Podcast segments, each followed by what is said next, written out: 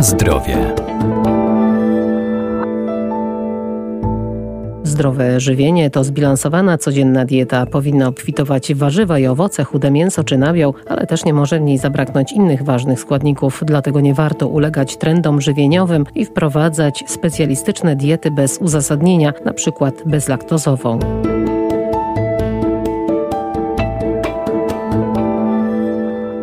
Moda na zdrowy tryb życia spowodowała, że wiele osób zmienia swoje nawyki żywieniowe, wprowadzając diety monoskładnikowe lub takie, które są formą leczenia. Na przykład przechodzi na dietę bezlaktozową, uważając, że będzie zdrowsza. Jednak specjaliści odżywienia i naukowcy przestrzegają, całkowite wyeliminowanie laktozy z diety przez osoby bez dysfunkcji może spowodować samoistną nietolerancję. Część ze społeczeństwa cierpi na nietolerancję laktozy, natomiast coraz częściej przypisuje się wszelkiego rodzaju dolegliwości układu pokarmowego, właśnie niemożliwości trawienia laktozy. Profesor Waldemar Gustaw, Wydział Nauk Żywności i Biotechnologii Uniwersytetu Przyrodniczego w Lublinie. Taką nietolerancją wrodzoną charakteryzuje się troszeczkę ponad 1% noworodków, czyli jakaś część populacji ma wrodzoną nietolerancję laktozy. Następnie wraz z wiekiem organizm człowieka coraz słabiej zaczyna produkować enzym rozkładający laktozę. Braki w wytwarzaniu tego enzymu powodują pewne niedogodności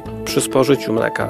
Są one różne u poszczególnych konsumentów wyrobów mlecznych. U niektórych faktycznie dochodzi do całkowitego zaprzestania produkcji tego enzymu, no ale większość z populacji polskiej cały czas ten enzym produkuje i powinna spożywać mleko jako przede wszystkim bardzo dobre źródło białka. Nietolerancja ta postępująca z wiekiem dotyka według różnych badań od 20 do 30% społeczeństwa. Czyli to też nie jest, nie są wszyscy, bo istnieje w przeświadczeniu wielu konsumentów taka opinia, że im jesteśmy starsi, tym nie powinniśmy spożywać mleka, właśnie ze względu na to, że człowiek z wiekiem ma coraz większe trudności ze spożywaniem laktozy. To spowodowało, że na rynku nastąpił wysyp produktów bezlaktozowych, e, nawet do tego stopnia, że producenci zaczęli wypuszczać e, sery dojrzewające pod nazwą bez laktozy, co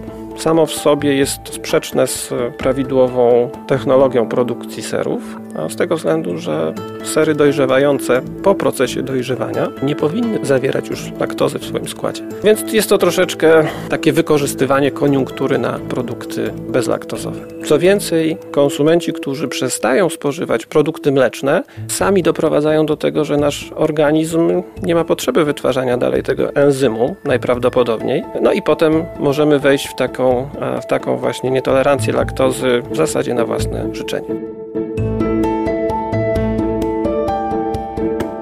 Na zdrowie.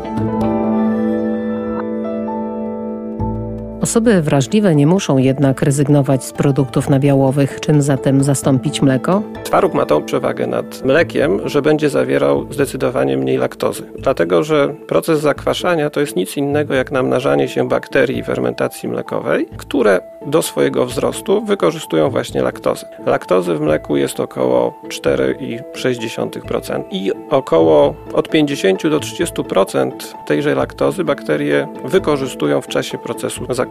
Dlatego twaróg będzie miał przewagę nad mlekiem dla tych osób, które cierpią na nietolerancję laktozy, bo będzie jej po prostu mniej zawierał. Natomiast e, jeżeli chodzi o dużo trudniejsze problemy ze spożywaniem e, produktów mlecznych, czyli alergie na białka mleka, no to niestety tutaj e, twaróg nie będzie się w zasadzie różnił od, od mleka. No, nie będzie zawierał dużej części białek serwatkowych, przede wszystkim beta-laktoglobuliny. To jest e, białko, któremu przypisuje się duże właściwości alergenne w stosunku do ludzi.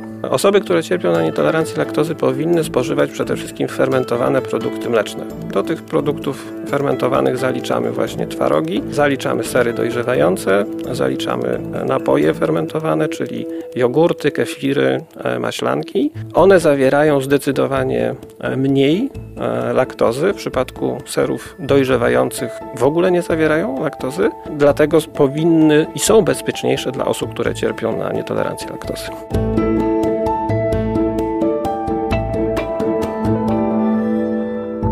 Jeżeli postanowimy zmienić swoje dotychczasowe nawyki żywieniowe i myślimy o konkretnej diecie, zwłaszcza monoskładnikowej, to zawsze warto skonsultować się z lekarzem.